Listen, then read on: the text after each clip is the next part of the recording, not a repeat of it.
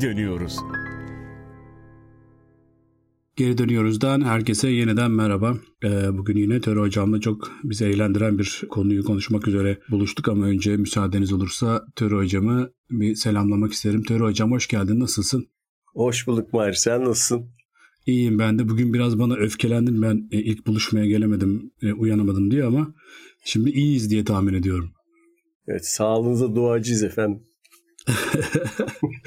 Hocam e, bugün Mısır konuşacağız. Yani aslında Mısır konuşmaya başlayacağız demek daha doğru herhalde. Çünkü bu kadar uzun, bu kadar teferruatlı bir tarihin herhalde bir bölümde konuşulması kabil değil. Teferruatlı bir tarih diyorum çünkü tarih yazma tarih kaydı tutma konusunda da Mısırlar çok hassaslar. Hatta bunu ilahi, tanrısal bir uğraş olduğuna inanıyorlar. O yüzden Mısır'la ilgili doğrudan Mısır'ın anlattığı zaten yeterince bilgi yokmuş gibi çağdaşı topluluklar tarafından tutulan kayıtlarla da çok görkemli bir Mısır tarihine e, sahibiz. Hala bile yeni keşifler yani piramitler falan bulunuyor yani hani hani keşif meşif derken hani böyle ufak tefek bir yerde tablet bulundu falan değil tapınaklar kent, falan bulunuyor. Kent yani. bulunuyor Kent. Deniz, denizin altında. Hocam peki o zaman yine klasik eksi sözlükçülerin çok sevdiği Töre Hoca iyi de yanındaki aptalın sorduğu sorulardan bir şey olmaz geleneğini bozmadan yine çok aptal bir soru sorarak başlamak istiyorum. Hocam Mısır adı nereden geliyor? Biz neden Koçan'ın etrafında sarı sarı dizilen e, bu e, hububat türüne de Mısır diyoruz? Bize biraz bilgi vermek ister misin bu konuyla ilgili? Vallahi ikincisini bilmiyorum hakikaten. o yani darıya eskiden darı denirdi. O niye herhalde o onu sen daha iyi biliyorsun muhtemelen. Birincisi de yani Mısır Arapça diye biliyorum. Hatta Mısır değil değil mi? İkinci ı yok galiba. İkinci i Mısır böyle hızlı söyle. Hocam hatta Masr. Ha, tam şeyi de telaffuzu. Yani biz Mısır desek bir Arap anlamaz herhalde. Neyden bahsettiniz? E anlar yani sonuçta onlar Türkiye dediği zaman biz anlıyoruz. Yani gibi. Yani bu Arapça benim hatırladığım kadarıyla Tevrat'taki peygamberler silsilesi ya da işte e, kutsal kişiler silsilesi içerisinde Nuh'un oğlu ya da torununun adından geliyor diye hatırlıyorum. Mişraim. işte bu- Mitsrayim hocam. Misraim. Hı hı. Şimdi bu Nuh tufanından sonra hani Nuh'tan gelen soy dünyanın dört bir yanı dağılıyor. Hani Kenan işte bugünkü Filistin bölgesine yerleşiyor. Oranın eski adı işte Kenan oluyor. Kuş diye galiba bir gene Hı hı. hı onun soyundan biri o Sudan, Nübye galiba o taraflara gidiyordu Afrika'nın e, Doğu Afrika bölgelerine. E, bu Misraim de işte bugünkü Mısır ülkesine Hı yerleşiyor. Nil Deltası bölgesine yerleşiyor. Yani e, bu isim oradan geliyor diye biliyorum. Hocam orada aslına bakarsan e, biraz böyle karışık bir iş var yani. Hani im son eki İbranice'de eril sözcükler için çoğul ekidir. Yani mitraim aslında e, mitsralar demek. Oradaki yani mitsra sözcüğü de yani İbranice'de doğu anlamına gelen mizrahtan geliyor olabilir mi falan diye şu an tamamen atıyorum ama Mısır doğuda değil işin tuhafı yani hani bu isim nereden geliyor bilmiyorum ya da İbranice'ye doğrudan Mısır dilinden mi geldi girdi de o yüzden hani böyle aslında onun sonundaki o im soneki Mitzrayim'deki im soneki aslında İbranice değil eski Mısırca bir kelimeden mi kaynaklı ama aslına bakarsan kökenini bilmiyoruz galiba bu adın değil mi? Yani eski Mısırcadan gelmesi biraz zor çünkü bildiğim kadarıyla eski Mısırlar Mısır'a Mısır demiyorlar. Yani dışarıdan verilen bir isim. Araplarla İbranilerin verdiği bir isim ve yaygınlaşmasının sebebi de kutsal kitaplar yani işte Kur'an ve Tevrat ondan dolayı yaygınlaşıyor evrenselleşmesi. Yoksa eski Mısırlılar gene e, telaffuzum kötü olabilir. Hakkeptah ya da Ekptah öyle bir şey diyorlar ülkeye. Hmm, şey Kopt ülkesi yani değil mi Yani aslında? Ptah'ın orada Hı hı. Ptah'ı biliyoruz çok önemli bir tanrı. Ptah'ın ülkesi anlamına geldiğini söylüyor e, Mısır bilimciler. Mısır dili uzmanları, eski Mısır uzmanları. Yani tam böyle telaffuzu tabii onlar sesli harfleri yazmadıkları için biliyorsun. Farklı telaffuz şeyleri var, önerileri var ama yani tam yani eski Mısırca'da ülkenin adı Akettah gibi bir şey. Peki bu Akep'te aynı zamanda bu Yunanların oraya Agiptos demesi ve bugün bütün neredeyse dünya dillerinde işte Ejipt, Egypt falan filan Egipto denmesinin de kaynağı olabilir mi? İşte en büyük teori bu. Yani en geçerli şu an en hani kabul gören teori bu Yunanlar 630'larda yani milattan önce 700'lerde daha önce de gelmişlerdir mutlaka Mısır'a da yani Mısır'dan haberdarlar. Çünkü eski Yunan sanatına da baktığın zaman zaten Mısır taklidi heykellerle başlıyor ya. Kronos heykelleri, Kore heykelleri. Yani Mısır'la iletişim halindeler. Zaten Girit medeniyeti doğrudan Mısır'la çok e, e, yoğun iletişim halinde ama e, Yunanların Mısır'a da yerleşmesi, orada bir işte Naukratis kentinin kurulması falan delta bölgesinde 700'lere doğru milattan önce 650-750 civarı orada hani bu ülkeye yavaş yavaş bu ismi veriyorlar ve Yunan metinlerinde Ageptos diye geçiyor. Bu sözcüğün bu ki çok sonraları Yunanlar yani yüzyıllar sonra Yunanlar bayağı firavun olacak kadar Mısır'a yerleşecekler değil mi İskender'den sonra? Tabii yani Yunanlaşıyor yani Mısır. O esnada işte Yunanca'ya Ageptos diye giriyor. Sonra da işte Batı dillerindeki bugün hemen hemen bütün Batı dillerinde işte Mısır adını e, kaynağına Eciptler vesaireler türemiş. Ee, orada yaşayan halka da Yunanlar... Tam onu soracaktım hocam. Yani bu mesela Kıpti ya da Koptos işte e, Kopti denmesi bu topluluğa sence bu Egiptos, Egiptos adından ya da işte eski Mısırcası işte Hakeptah adından türetme bir isim olabilir mi? Koptik de deniliyordu değil mi? Koptik. Evet. Dekon. Hatta koptik sanat falan deniyordu. Ya şimdi işte eskiden ben de şöyle biliyordum. Halkın adından ülke mi isimlendirildi ama yok ülkenin isminden dolayı halk da isimlendirilmiş. Hmm. Yani bu da gene Yunanların verdiği bir isim. Eski Mısır halkı kendine ne diyorlardı?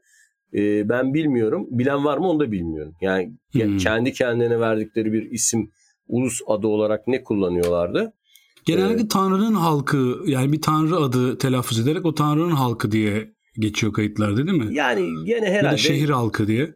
Ya böyle gene o Pıtah'la ilgili ya da Kopt'la ilgili yakın bir ses olması lazım. Çok uzak olmaması lazım diye düşünüyorum. Yani o e, ama Yunanların verdiği isim yaygınlaştığı için biz eski Mısır halkına Kopt halkı, Koptos Yunancası işte. Peki Kopti. hocam, e, şimdi bu Kıptiler aslında eski Mısır geleneğinin yani Araplar gelip oraya yerleşmeden, İslam'ı getirmeden, o bölgeyi İslamlaştırmadan, Araplaştırmadan önceden kalan yani bayağı eski Mısır bakiyesi olan bir halk. Zamanla önce Helenleştiler. Sonra Hristiyanlığın yayılmasıyla Hristiyanlaştılar. Bugün hala Mısır'da e, Kıptiler işte Mısır'ın Hristiyan nüfusunu temsil ediyor. Buraya kadar Az her şey... değiller yani 10 milyon. Evet evet. Yani küçük bir bizdeki o Süryani azınlığı, Asuri azınlığı gibi falan değil yani bayağı 10 milyon falanlar. Yani çok büyük bir nüfus. Evet ve buraya kadar mesele çok açık tamam takip edebiliyoruz falan filan ama peki hocam sana çok bomba bir soru soracağım. Türkiye'de neden Çingenelere verilen isimlerden biri de Kıpti? Valla çok güzel bir soru. Ee, bu Osmanlıca belgeler uğraşırken... Benim aklıma geldi hocam bu soru. E, yani Osmanlıca belgelerle uğraşırken en sorun çıkaran isimlendirmelerden biri de budur. Yani Kıptiler derken Çingenelerden mi bahsediyor yoksa Mısırlılardan mı bahsediyor? Yani bazen bunu gerçekten uzmanlar da bilmiyorlar, karıştırıyorlar. Ben bazı yanlış çevirilere de çok denk geldim. Hı hı. Hani adam mesela hakikaten Mısırlılardan bahsederken onu Çingeneler diye çevirmiş ya da Çingeneler diye çevirmesi gerekirken Mısırlılar diye çevirmiş falan. Bu neden benziyor? Galiba o bölgeden gelen çingenelere sanırım önce Kıpti deniliyordu. Hmm. Daha sonra da çünkü biliyorsun çingenelerle ilgili bir e, şey isimlendirme yok. Standart bir isimlendirme yok. Yani yöreye göre, bölgeye göre işte Abdaliler var. Ne bileyim Romlar var. Neydi o Karadeniz'de başka bir topluluk var falan. Yani standart bir isim yok. Acaba Mısır'dan gelen Çingeneler için özel kullanılan bir isimdi de sonradan yaygınlaşıp aradaki şey tamamen standart hale mi geldi? Hakikaten onu ben de bilmiyorum. Sen bir kaynakta falan denk geldin mi hiç ona? Yok denk gelmedim hocam da aklıma çok saçma sapan bir şey geldi. Sen koptik deyince aklıma geldi. Biliyorsun şoptik de derler çingenelere. Evet şopar kelimesi var. Çocuk şopar, anlamındaydı galiba. Ha, şopar, şopar Romence'de çocuk demek de mesela şoptik de derler falan. Acaba evet, hani daha da küçültürler yani.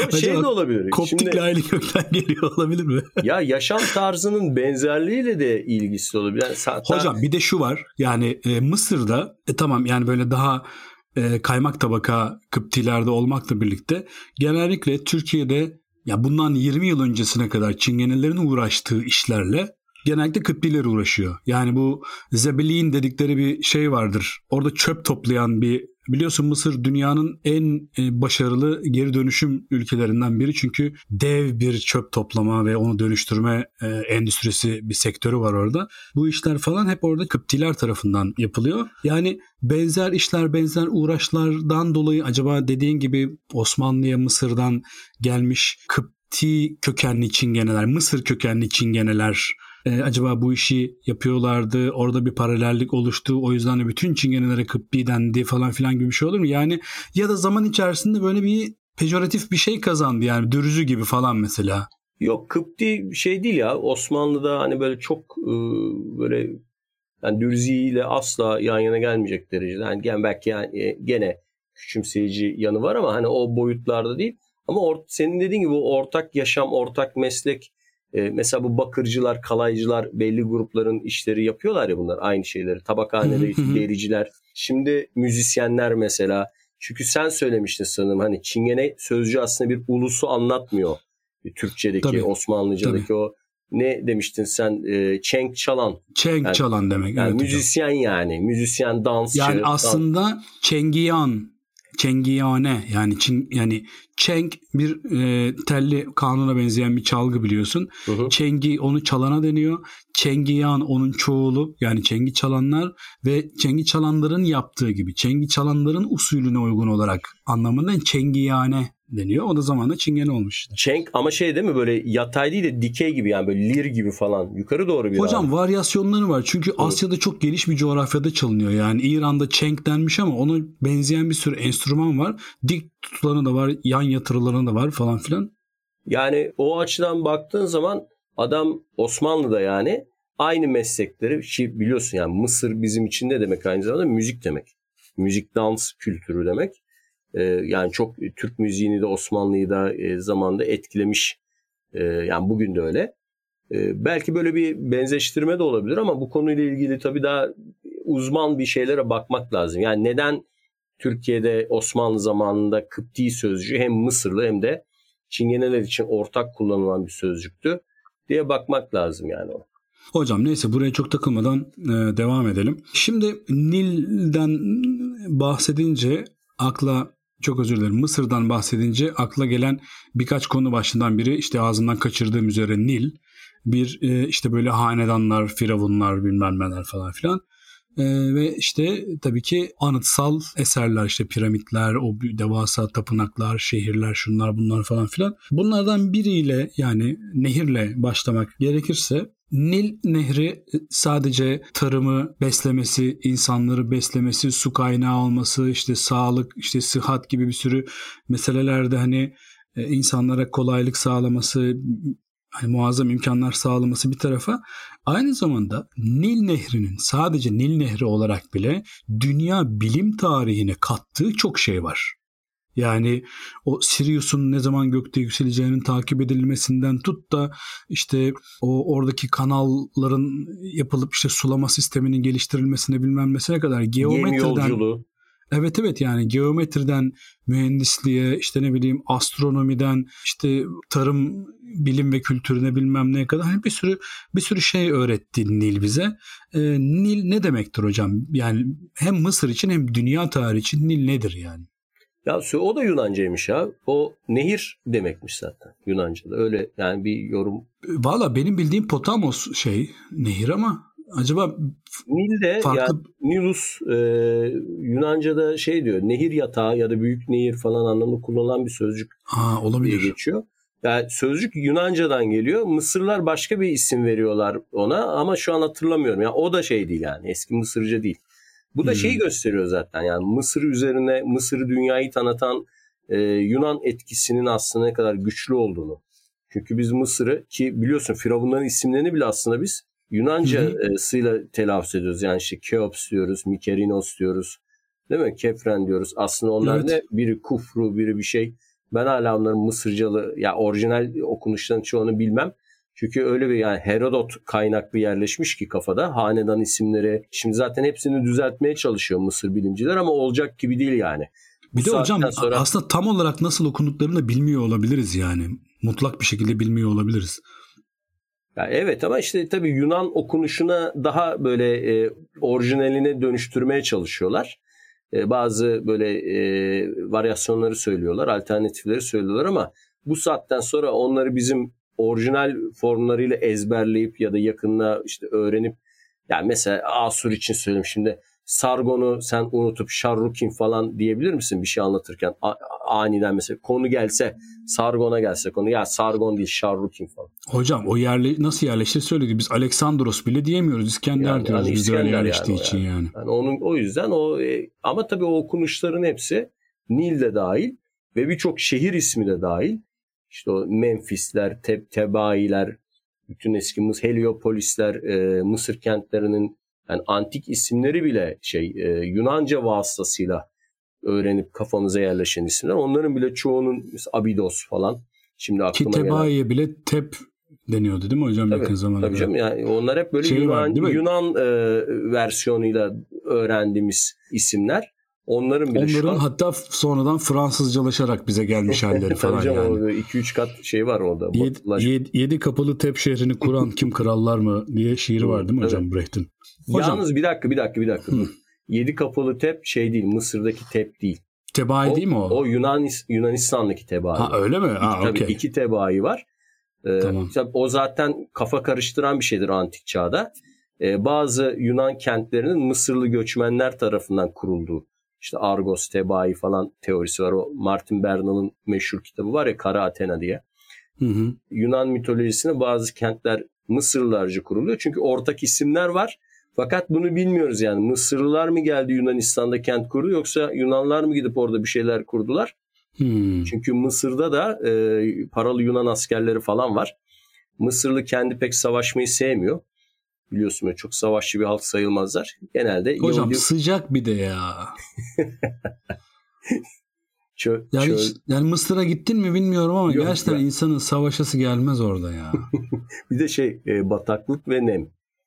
O yani bir de o da var. Sivrisinek, sıtma tabii. bilmem ne falan filan. Tabii. Kuru sıcak da değil öyle. Çö- tam çöl sıcağı evet, da değil. evet, evet, yapış, Yani o yapış. yüzden elimizde şey belgeler var. Mesela Elefantin diye bir gene Yunan ismidir. Tabii yani hemen şey bilen Batı dilleri bilenler alacak fil kenti demek. Elefantin. Onda neden demişler işte fil dişine mi benziyormuş ne şehrin yapısı planı kuruldu ada. Ne ona da Hmm. böyle bir açıklaması var. Yukarıdan bakınca şehre Nil Nehri içinde bir ada burası. Yani Nil Nehri içinde ada var yani. Hani öyle söyleyeyim. Nil Nehri öyle bir nehir. Yukarıdan nasıl bakıyorlarmış hocam? Cahilce İşte bir soru onu olacak ama. e, iyi saatte olsun tarzı araştırmacılar şey diyor. Bunlar yukarıdan nasıl bakıyorlardı? Demek ki bunları hani piramitleri yukarıdan indiren e, bir takım Hmm. e, dış Şey, e, Anunnakiler hocam. ya Reptilyanlar. uzaylı deyince sen kızıyorsun. E, dünya dışı varlıklar. E, dünya dışı varlıklar diyor bunu ancak. Çünkü şehrin diyor hani adanın fil dişi şeklinde olduğunu nasıl görebileceklerdi diyor. Ama tabii o kadar abartı bir şey çünkü kayıkla da dolaşarak biliyorsun ki harita yapabiliyorsun yani. Yaşadığın ülkenin sınırlarını belirleyebiliyorsun deniz kıyısını. Neyse o Elefantin kentinde bulunan belgeler var. Papyrus belgeler. Orada mesela çok sayıda Yahudi e, ve Yunan Helen paralı askerin adı, sanı, işte kaç para ödüyorlar, maaşları ne zaman Hmm, yatıyor hmm. falan öyle bilgiler var. Yani Mısır ordusu şey bir ordu. Kozmopolit bir ordu. Genelde paralı askerleri dövüştürmüşler.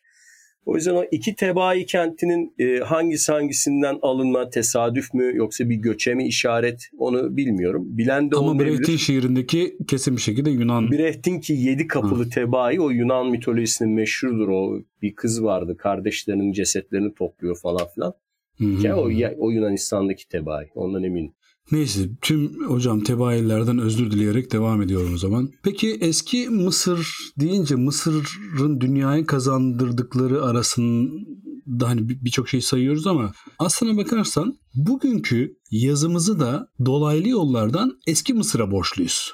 Yani çok uzun bir macera geçirdikten sonra bugünkü halini aldı ama yani kabaca hani özetlemek gerekirse Mısırlılar önce hieroglifi geliştirdiler. Ee, sonra bu hieroglif daha kolay, daha gündelik yaşamda işte ticarette işte ne bileyim işte depo kayıtlarında, kargo, navlun kayıtlarında bilmem nelerinde kullanılabilsin diye daha sadeleştirilmiş bir versiyon kazandı. Sonra bu sadeleştirilmiş versiyon aynı zamanda her sembolün bir karşılık geldiği kelimenin ilk harfinin Yunanlılarca harf olarak benimlen e, pardon Fenikelilerce harf olarak benimsenmesi sonucunda Fenikelilere bir e, harf yazısı halinde geçti. Fenike'den de Yunan'a geçti. Yunan'dan da işte bütün dünyaya dağıldı falan filan.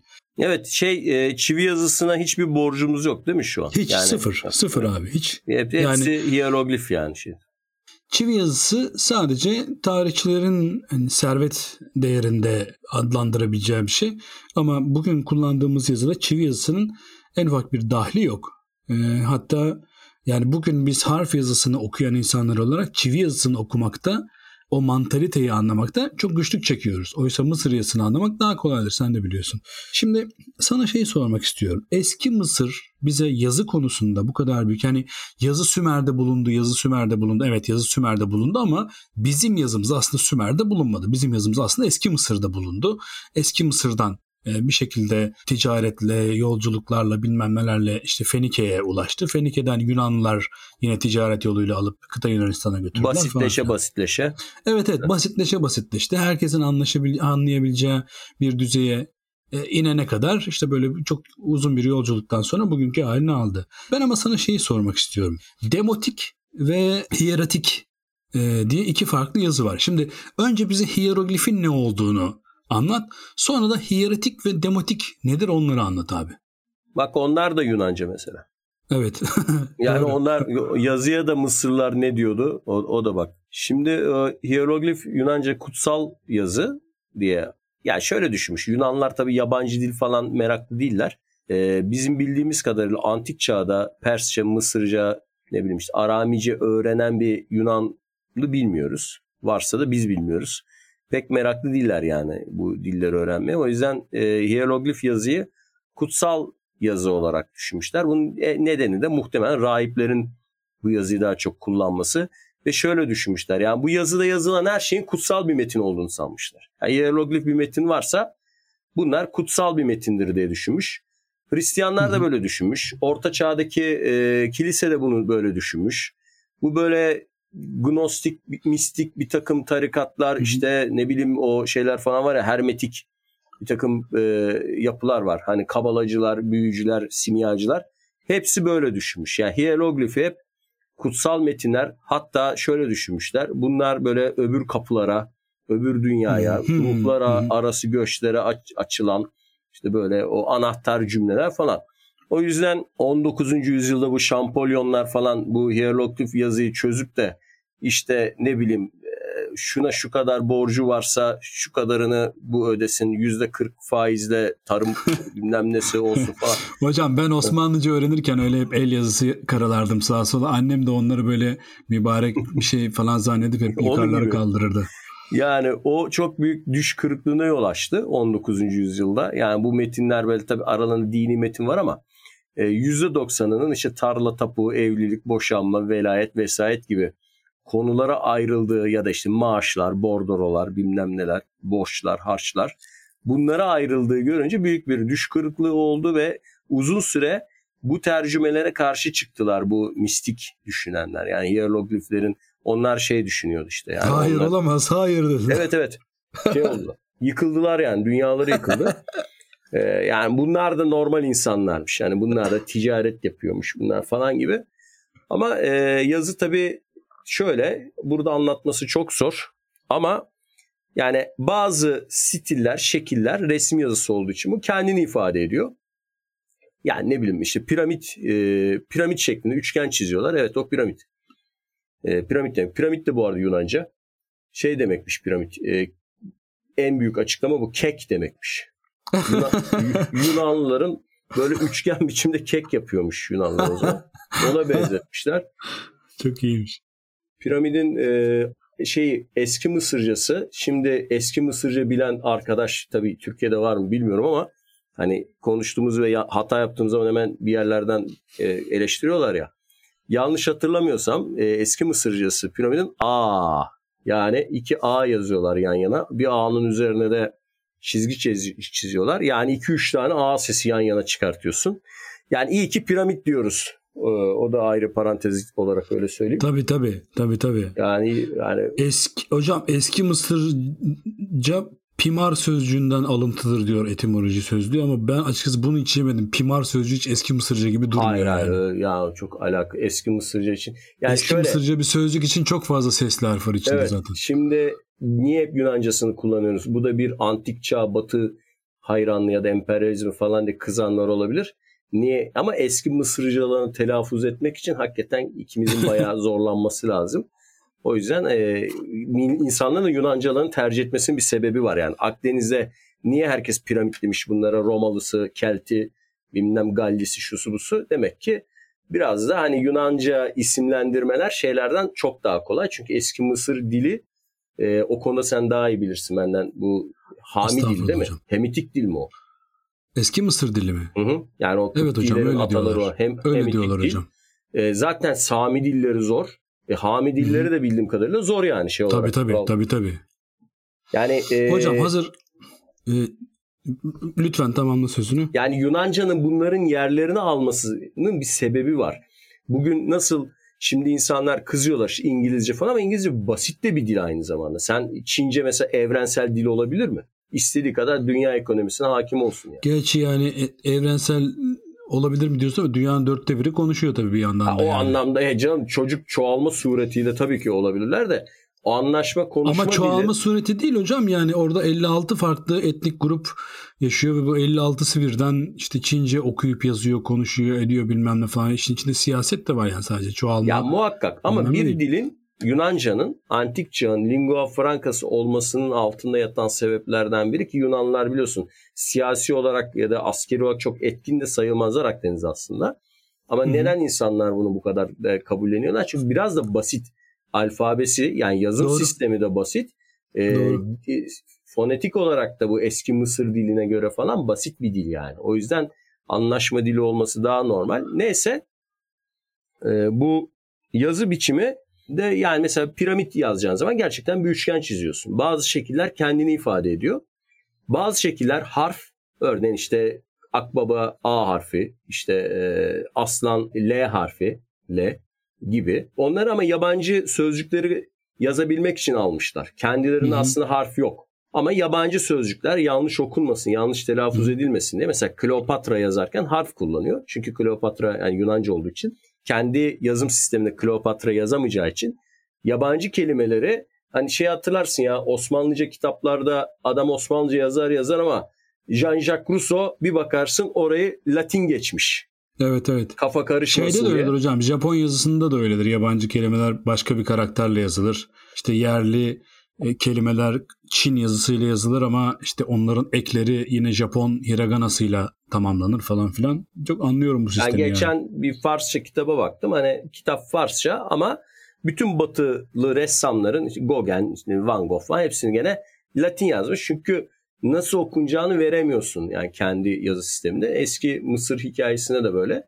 Bazı e, şekillerde hece karşılığı veriyor. Belli hmm. hece sesleri veriyor.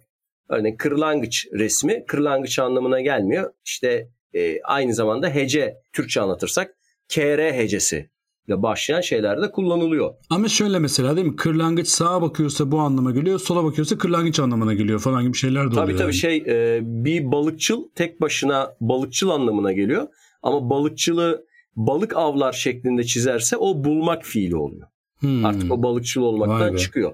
Göz tek başına göz olarak yazılıyor ama ağlamak dediği zaman gözden gözyaşı e, işareti çıkması gerekiyor falan. O, o ağlamak Hocam bayağı, roman, bayağı romantik bir yazı sistemi bu arada yani. E, çok ya şimdi 4-5 bin çok, e, çok şey öğrenmem. bazlı bir şey. Evet.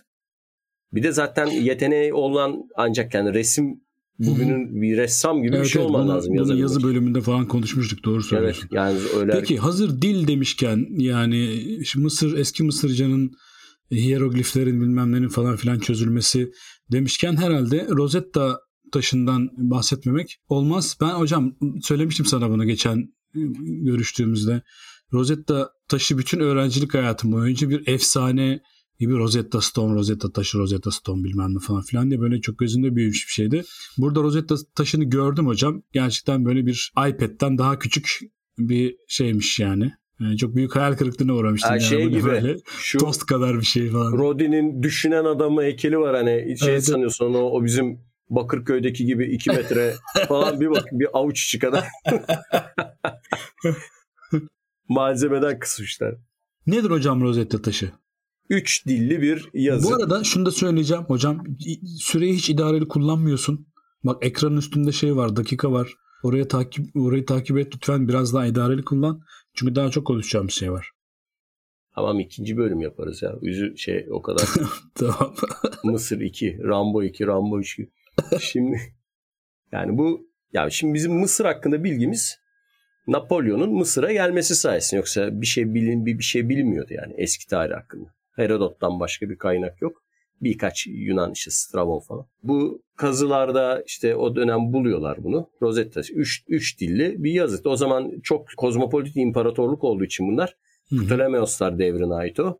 Hangi hmm. saat Ptolemaios bilmem kaç 3 mü 5 mi 7 mi hatırlamıyorum. Onun tahta çıktığı yani, zaman. açıklayarak gidelim İskender sonrası Mısır. Evet Helenistik dönem. İskender sonrası Mısır'daki hanedandan bir tanesinin üçüncüsü müydü beşincisi miydi hatırlamıyorum şimdi Ptolemaioslardan. Onlardan birinin tahta çıkışını kutlayan. Zaten 13 tane falan var değil mi galiba? Var onlar baya. Hmm. Yani onun sıralamasını hafızada tutmanın manası yok. Yani şu biri vardı sen, ya. Te- sen bile bunu diyorsan artık yani biz e Yani mi? şimdi televizyona çıkmıştı bir hani Türkiye'nin bütün valilerin ismini tek tek ezbere biliyordu sayıyordu falan. Kastamonu valisi söylüyor. Çankırı'nın valisi söylüyor şimdi. O, o, da, o hepsini sayıp sonuna gelene kadar valilerin yerleri değişiyor. E yani falan. Ona şimdi gerek bütün Ptolemosları tek tek bilmiyoruz. Bir tanesinin 3 ya da 4'lerden bir tanesinin yani tahta çıkmış. Tahta çıkışını işte çeşitli dillerde kutluyorlar. Ee, ne vardı? Bir tanesi işte demotikti, bir tanesi Yunanca, bir tanesi hieratik galiba. Altta zaten Yunancası olması sayesinde çözülüyor. Ana yani o taşın önemli şu. Bilmeyenler için söylüyorum ya anahtar bir şey yani. Tıpkı bu Göktürk yazıtının Orhun abidelerinin hani üç yüzü e, runik Göktürkçe bir yüzü Çince. O Hı-hı. orada Çince e, metni okuyorsun. O anahtar oldu yani. Ha bu, bu burada bu yazıyor demek ki diye. Ne arayacaklarını bildiler. Sonra karşılaştırma işine girdiler yani şifre çözümü gibi. Rosetta taşı da böyle yani Yunancası okunuyor. İşte bu falan filan Ptolemaios tahta çıktı. Çok yaşasın, var olsun falan filan. Ptolemaios yazısını dikdörtgen için almış. Yunanca metinden kutsal bir hmm. isim olduğu için hükümdarın. Aynı e, hieratik ve demotik şimdi hatırlamıyorum. Galiba hieratik kısmı kırık dökük. Galiba demotik sağlam diye hatırlıyorum ya da tersi olabilir. Neyse. Mısırca olan kısımda da dikdörtgen için aldığı kısımlar var. Adam hmm. diyor ki işte o Champollion bir de kim bir tane daha var George Smith miydi neydi o İngiltere'de onun rakibi var. Onlar yarış halindeler. Sen önce çözeceğim ben önce, önce çözeceğim. Birbirlerine de vermiyorlar sonuçları. Hani ulaştıkları şeyleri. Neyse ya şöyle düşünüyor. Bu dikdörtgenin içindeki isim aynı isim. Oradaki şekilleri, hieroglif şekilleri karşılaştırıyor şeyleri. E, bu olabilir, şu olabilir derken e, tabii bir kişi iki kişi değil 1890'lara kadar bu e, eski Mısır yazılarının çözülme mücadelesi devam etti. Çok fazla üniversite ama daha çok Fransızlar tabii. Onlar bu kazıları yaptıkları için onlar bir adım öndeydiler. Hocam eski Mısır'ın yani bugün ağırlıklı olarak eski Mısır konuşuyoruz diye artık kabul ettim ben. Çünkü zaten süremizin neredeyse sonuna geldik. Sonra biraz daha böyle işte hanedanlar, firavunlar bilmem neler falan filan diye başlayıp biraz daha çağdaşımız olan Mısır'a dair konuştuğumuz bir bölüm daha yapacağız belli ki. Şimdi eski Mısır'a dair konuşuyorken eski Mısır'ın hayatımızı kazandırdığı şeylerden biri de belki bir ihtimal tek tanrılılık olabilir. Yani bununla ilgili biliyorsun Freud'un e, şeyi vardır yani Firavun Akhenaton'un Musa olabileceği ya da oradaki Musa imgesinin Yahudilerin belleğinde böyle yerleşmiş olabileceği gibi. Şimdi bir Firavun, Akenaton ve Musa peygamber hikayesini soracağım sana. Gerçekten tek tanrılı. Çünkü Akenaton'un da tek tanrılı bir Firavun olduğunu biliyoruz. Hatta yani tahttan indikten sonra yani Firavunluğu işte bittikten sonra öldükten sonra öldükten sonra şey, ya öldükten sonra Evet evet.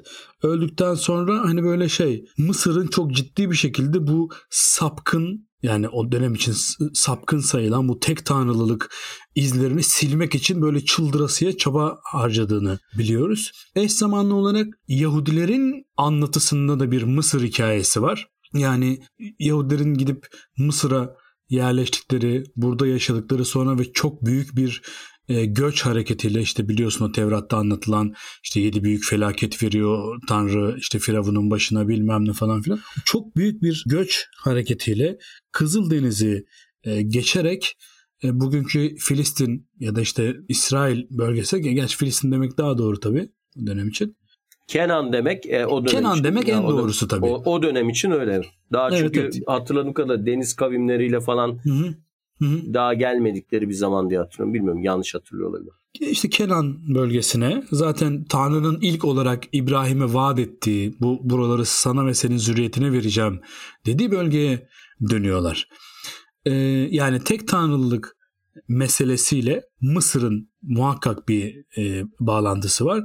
İsrail oğullarının da Mısır'la bu şekilde bir bağlantısı olduğu e, varsayılıyor. Fakat işin şöyle bir e, arkeolojik polisiye tarafı var.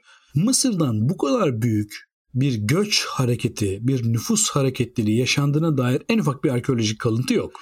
Yani Firavun'un ne zaman hapşırdığını bile yazan e, Mısır tarihinde bu kadar büyük ölçekte büyük bir nüfus hareketliliğini kaydeden tek bir satır yok. Gökten kurbağalar yağıyor, bilmem neler yağıyor, yedi büyük felaket yaşanıyor, açlık, kıtlık, şu bu bilmem ne falan filan. Çekirgeler. Çekirgeler yağıyor. Hiçbiri yok. E, deniz yarılıyor. Oradan İsrailoğulları denizden geçiyor. Sonra arkasından giden Firavun işte deniz kapandığı için işte boğuluyor, ölüyor. Buna dair bir kayıt yok falan filan. Yani bu tek tanrılılık İsrailoğulları ve Mısır üçgenindeki bu hikaye nedir hocam? Ve aradaki boşluklar neden kaynaklanıyor? Ya aslında sen bu alfabe yazı sistemini söylerken aklıma şu da geldi. Buna bağlayacağım. Ee, dünya dinleri de aslında Mısır kaynaklı. Yani bu dünya dinleri derken tabii bizim bu Akdeniz çevresi. Çünkü orada da mesela Mezopotamya'da çok güçlü bir ahlak anlayışı yok. Metafizik çok gelişmiş değil. Hmm. Cennet cehennem kavramları Mısır'da daha net, daha belirgin bir şekilde karşımıza çıkıyor. Yani ölen ruhların yargılanması, hani terazinin bir kefesine o Anubis tüy koyuyor, işte bir kefeye de kalbini çıkarıp koyuyor falan. Günahsız yaşamak, öbür dünyaya hazırlanmak, dünyada günahlardan kaçınmak, işte sünnet olmak, domuz eti yememek, yani aklımıza gelecek birçok konuda eski Mısır'ın inanış sistemi yani ahlaklı işte böyle tavrı ölümü çok önemsemesi, ölümden sonraki yaşama hazırlığı çok umursaması, mezar kültünü çok önemsemesi gibi konuların toplamına baktığında Mezopotamya daha dünyevi kalıyor aslında onlara göre. E, Mezopotamya dinlerindeki metafizik e, şeyi daha zayıf. Bunda da Mısır aslında daha e, belirgin ve dünyaya büyük bir miras bırakmış gibi, etkilemiş gibi.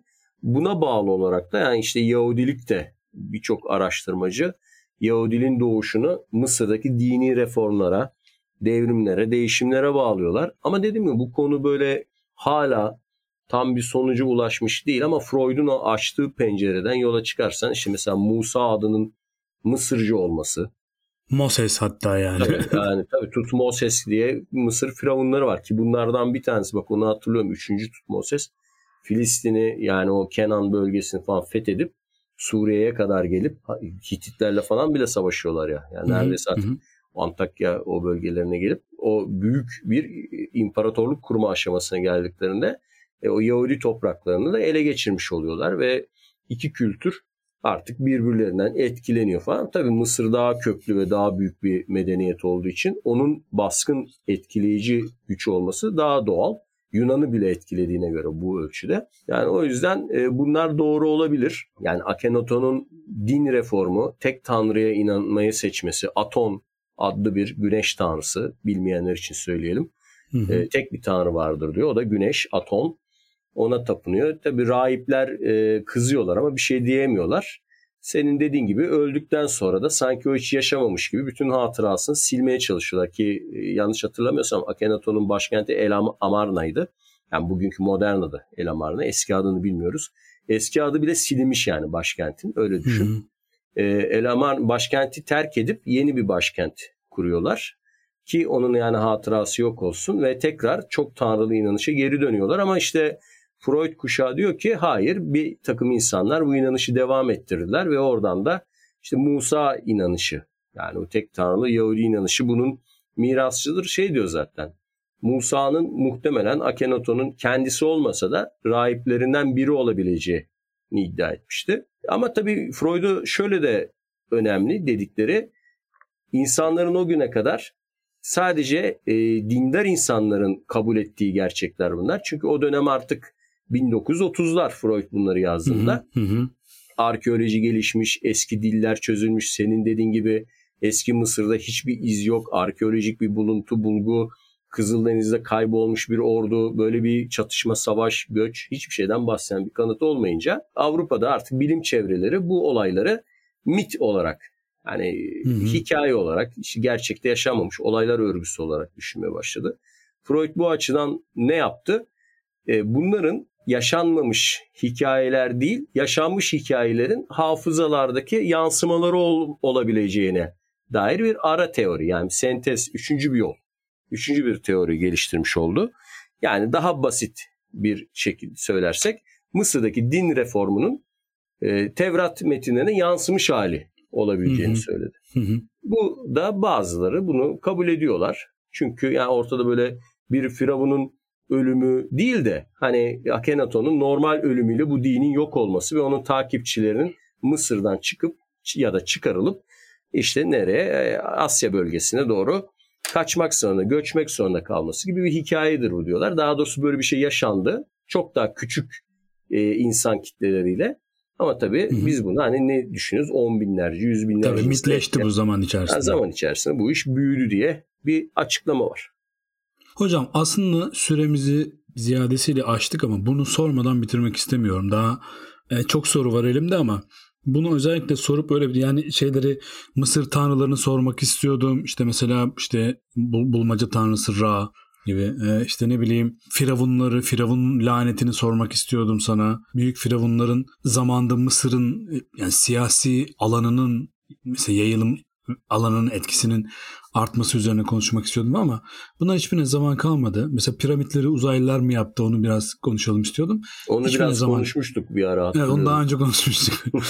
Burada asıl sormak istediğim şey şu. Mesela böyle Nefertiti gibi, Hatshepsut gibi, Kleopatra gibi bir tane daha var ama böyle onu Çok Hobek mi, Zobek mi çok kraliçe var ya. Şimdi anladım demek e, istedim yani evet. Şimdi neden hocam yani eski dünyada bu kadar kadınlar yani çok parmakla sayılacak kadar az mesela bütün Mezopotamya tarihi boyunca parmakla sayılacak kadar kadın var yani hükümdar pozisyonunda bulunan. Mesela Mısır'da neden daha fazla fırsat ve imkan bulmuşlar? Ya aslında Mezopotamya'da hiç yok. Yani bir Semiramis var ya da işte Şamuramat ama o aslında kraliçe değilmiş. Çocuğu tahttayken başında duran. Naiplik yapmış evet. Yani naiplik yapmış Babil şeyinde. Ee, Yunanlar onu biraz büyütmüşler.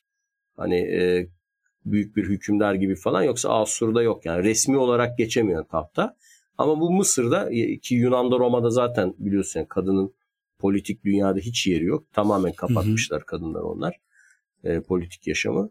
Ama Mısır ve sadece Mısır değil yalnız bütün Kuzey Afrika o Kartaca'da da falan o Dido gibi mitolojik kraliçeler var. Şey çok yani Tunus bölgesinde de var.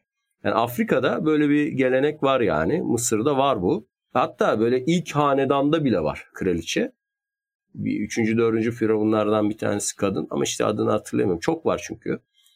E, bu işte şey de derler eski çağ tarihçileri. Yani Mısır genel olarak zaten ana soylu aile sistemine dayalı olduğu için biliyorsun bunlar kız kardeşlerle evlilikler falan da var ya. Çünkü başka türlü tahta çıkamıyor. Kadın soyundan gelmesi gerekiyor. Yani soylu olan hmm. kadın kabul ediliyor. O evet, kadından evet. doğacak çocuk ancak firavun olabiliyor. O yüzden aile dışından evlenmiyorlar zaten.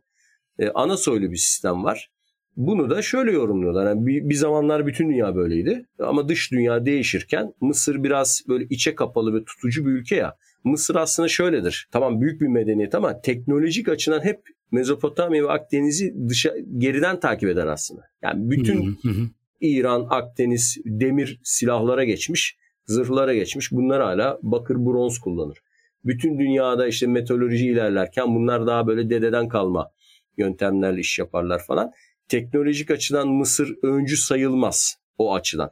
Ama onlar aradaki farkı nasıl kapatıyorlar? Muazzam insan gücüyle. Çok kapatlar, çok büyük nüfus var. Belki de o yüzden gerek de kalmıyor adam yani teknoloji anlamında. Mezopotamya'dan biraz daha geriden takip ediyorlar teknolojiyi. Daha kapalı bir toplum. Belki de o dünyanın başlangıç zamanlarındaki insanlığın e, ana soylu sistem ve kadın erkek arasındaki eşitsizliğin daha az olduğu zamanların bir hatırası olabilir. Ama bu konuda tam net bir şey söyleyemiyoruz. Yalnız antik çağda kadınların hükümdar olup ülke yönetebildiği ve güçlü hükümdar bunlar. Hani şöyle değil. İran tarihinde de kadın hükümdarlar var İslam öncesi. Ama nasıl olmuş? Bütün erkekler ölmüş o sülalede şu iç savaşlar nedeniyle. Yani bir şekilde mecburen kadın tahta çıkıyor gibi. Mısır'da tam öyle değil yani. Mısır'da Oğlu büyüyene kadar falan. Yani gibi. Yani böyle naip gibi dediğin gibi. Mesela Kleopatra diyorsun ya 7 tane o meşhur Kleopatra yanlış hatırlamıyorsam 7. Kleopatra. Yani sadece 7 tane Kleopatra var öyle düşün. Evet 7 mi 8 mi doğru söylüyorsun. O 7 galiba. Yani düşünsene. Hani bir sonuncusu sadece 7 tane Kleopatra var. Yani. Doğru. Evet hocam gerçekten yani Mısır'ı yani bir Mısır'a giriş e, bölümü olması bakımından benim için çok doyurucu oldu. E, tahmin ediyorum dinleyen için de öyle olmuştur. Süremizi çok aşmakla birlikte e, senin son olarak söylemek istediğin bir şey var mı? E, son bir ekleme yapalım konu kapansın diye bu e, Musa dönemiyle ilgili tartışmalarda bir e, bilgi vereyim. Bu Musa ve Akhenaton'un çağdaş olabileceğinin çok güçlü bir kanıtı var. O da Firavun kelimesinin kendisi. Çünkü bunun biliyorsun Mısırcası parao ya da paraoh diye okunan bir şey. Fakat Mısırlar e, eskiden Firavunlara Neb diyorlar. Sonra Paroh demeye başlıyorlar ve bu tam da Musa'nın yaşadığı tahmin edilen 13. 14. yüzyıllar milattan önce yani 19. hanedana tekabül ediyor. Teknik bir bilgi ama bu en büyük kanıtlardan biri. Bu ikisinin e, yaşamış aynı çağda yaşamış olabileceklerine dair çok dil bilimsel bir kanıt Hı-hı. olarak. Onu Hocam ne ne dediğin için söylüyorum. Biliyorsun Nevi derler şeye de. Nevi. Ha, olabilir. Ha bilmiyorum. Peygamber tabii, anlamında tabii, tabii. İbranice'de. Yani o, işte bunların birbirinden türediği büyük iddialar. Yani din tarihine yaklaşacak bir kişinin Mısır'ı mercek altına alması gerekiyor. Yani Mısır'la evet, çok görmezden, ilgilenmesi görmezden gelebileceğim Hatta bir şey değil. Hatta şöyle geçen e, şey bir arkadaşım söyledi. Ya evde kedi bakıyormuş, besliyormuş. Hani kedi mesele bu ev, ev hayvanları tartışmaları var ya. İşte Hı-hı. biri karşı çıkmış. O da demiş ki Peygamber Efendimiz de işte e, kedi vardı e, biliyorsun kedide hatta adını da söyledi. Kedini de hatırlamıyorum şimdi. Arapların ve Müslümanların kediyi önemsemesi o dönem. O bile biliyorsun yani kedi Tabii tabii Mısır kökenli ilk, bir şey tabii. İlk akla gelen ülke kedinin kutsallığı açısından Mısır'dır mesela. Yani o kaynak Belki olarak de Mısır'da... dünyada bu kadar çok kedinin bulunmasının sebebi de Mısır olabilir yani halihazırda. Yani o kedilerin ne kadar özenli mumyalandığını falan insanlar hani Hı-hı. internetten falan bakabilirler. Nasıl bir kutsallıkla ev kedilerinin e, şey yapıldığını. O yüzden ilginç yani. Kedinin kutsanması da Mısır yani. Evet evet. Evet evet doğru söylüyorsun. Hocam yine senin nurlarınla tenvir olduğumuz, tenvir edildiğimiz bir e, sohbet oldu. Ama bu Mısır e, davası kapanmadı. Bu Mısır meselesini konuşmaya devam edeceğiz yine. Fakat bugünlük şimdilik bu kadar e, konuşmuş olalım. Bugün eski Mısır'ı konuşmuş olalım.